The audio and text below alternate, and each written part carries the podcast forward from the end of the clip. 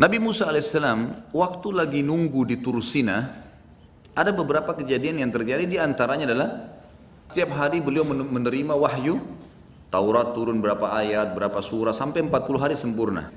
Ada beberapa kasus terjadi di hari ke-37 dia pernah minta agar diperlihatkan Allah, lalu Allah memperlihatkan dulu ke gunung-gunung sekitar ternyata berantakan hancur Nabi Musa alaihissalam pingsan. Ada sebelum kasus itu terjadi Musa alaihissalam mengatakan begini, Ya Allah, Zat yang maha adil, aku ingin sekali melihat keadilanmu.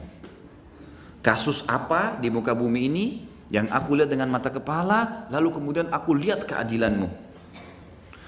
Jibril AS datang mengatakan, Hai Musa, Tuhanmu berkata, kau tidak akan bisa sabar kalau kau lihat langsung kejadian, lalu kamu menilai keadilannya Allah. Nah, tidak semudah itu. Allah pencipta tahu semua. Dia bilang, saya akan coba memahami dengan taufik dari Allah. Allah setuju, baiklah silahkan. Musa alaihissalam disuruh mendatangi sebuah sumber mata air di sekitar situ. Tidak ada orang, di padang pasir. Tursina adalah padang pasir yang luas, gunung-gunung batu. Musa alaihissalam ke situ. Perintah Allah Musa alaihissalam hanya melihat saja, nggak buat yang lain. Nggak ikut campur, nggak apa-apa. Lihat saja apa yang terjadi. Musa alaihissalam ambil posisi agak jauh, orang-orang nggak lihat, nggak ada yang tahu. Ternyata Musa AS waktu nunggu ada satu orang lewat naik kuda. Begitu tiba di air, orang ini minum di mata air itu. Minum di mata air. Dan rupanya di pinggang sebelah kirinya ada kantong isinya dinar. Uang-uang ditaruh. Waktu dia minum jatuh. Dia tidak sadar kalau itu jatuh. Kemudian dia naik kudanya, dia pergi. Ini orang pertama yang dilihat oleh Musa AS. Datang orang kedua teman-teman sekalian, anak kecil, belum balik, 9-10 tahun, datang minum di mata air, dia lihat ada kantong duit dibawa, pergi. Orang kedua, Musa AS lihat. Orang ketiga datang, orang buta, sudah tua datang, dia dengar suara air, dia lewat musafir, dia minum air itu, dia wudhu, dia mau sholat. Dalam kisah ini dikatakan begitu. Tapi Allah alam di zaman Nabi Musa sholatnya apa sama dengan kita? Tidak tahu. Karena syariat Nabi Musa AS berbeda. Mungkin jumlahnya beda, mungkin namanya beda, mungkin waktunya beda, Allah alam. Kita nggak tahu. Karena kita tahu adalah sholat yang diajarkan kepada Nabi SAW lima waktu sholat ini. Waktu datang orang buta, begitu selesai wudhu, dia mau sholat. Rupanya kembali si penunggang kuda tadi. Kembali ke sini. Begitu kembali teman-teman sekalian, dia tanya si orang buta ini. Hai orang buta, kakek tua, kamu lihat nggak duit saya? Kata si orang buta, saya buta. Nggak ada saya lihat duit. Di mana duit? Kata orang tunggang kuda, saya yakin uang itu jatuh di sini dan tidak ada orang lain. Ini tempat kosong. Kamu sendirian. Berarti kamu yang ambil. Kata orang buta, periksa saja. Saya nggak ada ambil apa-apa. Saya wudhu, saya mau sholat. Ringkas cerita bertengkar nih dua orang. Akhirnya penunggang kuda membunuh si kakek buta. Mati si kakek, orang yang tunggang kuda sudah lihat tidak ada orang lain. Dia mau minta di mana lagi, sudah dianggap hilang, pergi. Musa alaihissalam Waktu lihat kejadian tersebut, dia bilang, ya Allah saya nggak bisa sabar nih. Saya mau tahu bagaimana ini kasusnya sebenarnya. Menurut kacamatanya Musa alaihissalam sebagai manusia, siapa yang salah, siapa yang benar nih? Menurut Musa alaihissalam yang salah anak kecil. Anak kecil main ambil punya orang, dia pergi. Coba kalau dia tidak ambil, kembali penunggang kuda kan sudah tahu. Yang buta tidak bisa lihat, kan clear masalahnya kan? Maka sekarang kasusnya adalah anak kecil ini dianggap sumber masalah sebenarnya. Kalau dalam kacamata manusia, karena sekali lagi kalau dia tidak ambil duit itu, anak itu minum, dia pergi, penunggang kuda kembali, dapat duit nggak? Dapat. Dia tidak akan tuduh si buta kan? Buta juga nggak bisa lihat, nggak bakal ambil. Semestinya begitu. Musa alaihissalam bilang saya tidak bisa sabar nih. Kenapa si penunggang kuda bunuh orang ini? Yang salah si anak kecil. Jibril alaihissalam datang, Hai Musa, Allah mengirim salam padamu dan mengatakan padamu kalau memang kau tidak akan bisa sabar karena manusia tergesa-gesa menghakimi. Tapi begini ceritanya hai Musa. Si anak kecil itu adalah orang yang benar. Dari tiga orang ini yang paling benar si anak kecil. Kok bisa? kata Musa. Jelas dia datang ambil duit. Kalau dia nggak ambil duit tidak akan terjadi pembunuhan. Kata Jibril alaihissalam anak kecil itu punya seorang ayah yang pernah dizalimi oleh dua orang itu. Pernah ayahnya si anak ini kerja dengan penunggang kuda dan tidak dikasih gajinya yang jumlahnya sama isi kantong itu. Jadi jumlahnya uang gajinya ayahnya si anak ini yang pernah tidak dikasih sama penunggang kuda itu seperti itu. Allah buat si penunggang kuda teman-teman sekalian menaruh uang di kantong, dia tidak tahu kenapa dia lakukan, tidak pernah terfikir akan jatuh di situ, dia pergi ke tempat itu dekat dengan anak ini, kemudian jatuh di situ. Lalu Allah kembalikan haknya si mayit yang sudah mati ayahnya si anak ini dengan hikmahnya.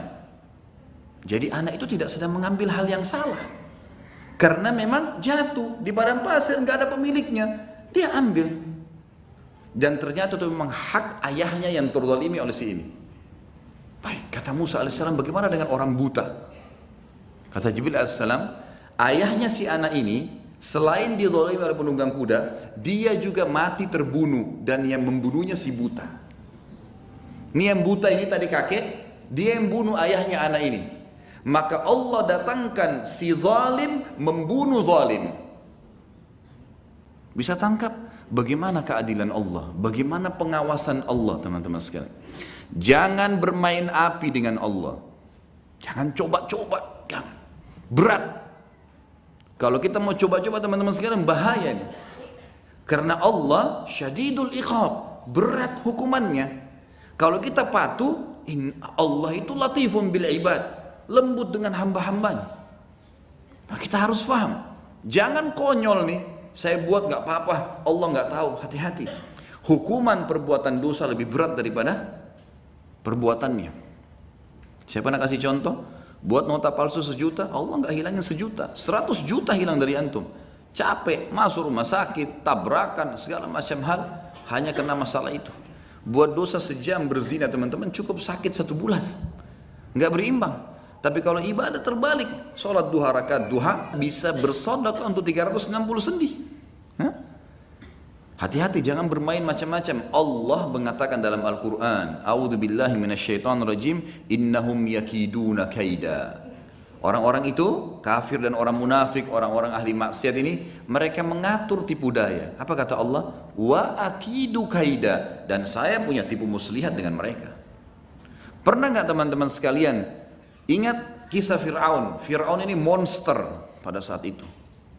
Dia menyuruh membunuh bukan orang Bani Israel orang besar, semua anak bayi laki-laki. Anak bayi loh ini dibunuh. Kita anak bayi itu kalau nangis rasanya mau digendong ya. Nggak ada orang kalau masih normal itu mau mukul anak bayi nggak ada. Ditepuk, dikasihani, iya itu perasaan fitrah. Apalagi kalau sampai dipegang, ditusuk, berat. Tapi Fir'aun suruh, saking monsternya Fir'aun ini sampai dia mendatangkan bayi-bayi Bani Israel sebelum disembeli, lalu dijadikan sebagai program setiap prajuritnya harus cium baunya Bani Israel, tahu baunya Bani Israel. Didatangkan bayi anak Mesir, cium baunya. Ini baunya orang Kipti, ini baunya Bani Israel. Sampai prajurit Fir'aun kalau lewat depan rumah dia tahu ini ada bayinya Bani Israel. Lewat digendong, mau dibungkus dengan selimut yang sama dengan orang Kipti tetap dia mengatakan ini Bani Israel. Dari baunya dia bisa tahu. Bayangin. Monster membunuh bayi. Apa yang terjadi? Lihat bagaimana tipu daya yang dilakukan dan bagaimana Allah membalas itu. Kotak kecil ditaruh oleh ibunya Musa di belakang rumah, talinya putus. Ngalir kotaknya Musa di mana? Belakang istananya Fir'aun. Dia lagi duduk sama istrinya, prajuritnya lagi ada. Lewat kotaknya Nabi Musa, tercium Bani Israel. Kata prajuritnya, Bani Israel, Fir'aun, ini ada lewat nih satu. Kata Fir'aun, bunuh. Monster, mau bunuh. Apa yang membuat Fir'aun tidak jadi bunuh? Kalimat istrinya yang bilang apa? Jangan kau bunuh. Siapa tahu bisa jadi anak kita. Dijadikan anak loh ini. Ini bukan ambil aja atau biarin aja. Enggak. Ambil bisa jadi anak kita. Dengan hikmah Allah Fir'aun sama Asia tidak punya anak. Fir'aun mandul kata sebagian ulama tafsir mandul. Dia suka bunuh orang, Allah tidak kasih keturunan. Enggak ada keturunannya. Akhirnya Musa yang dari Bani Israel hidup di istananya Fir'aun. Yang lain dibunuh ini makan, minum dari hasilnya Fir'aun. Dan ini yang menghancurkan kerajaannya. Pernah Fir'aun berpikir itu sebelumnya? Masuk ke dalam istanahnya teman-teman sekalian. Jangan berani main-main. Ganggu istrinya orang, ganggu suaminya orang, buat ini. Masuk masalah di rumah antum nanti. Jangan main-main. Nggak boleh main-main ini. Buat nipu orang, masuk masalah di antum. Kata Nabi SAW, siapa yang mencari-cari aib saudaranya muslim, Allah akan bongkar aibnya walaupun dia rahasiakan di dalam rumahnya. Jangan bermain teman-teman, bahaya. Bertakwa kepada Allah, istiqomah di jalannya, antum akan hidup. Enak bergantung dengan Allah itu, bahagia.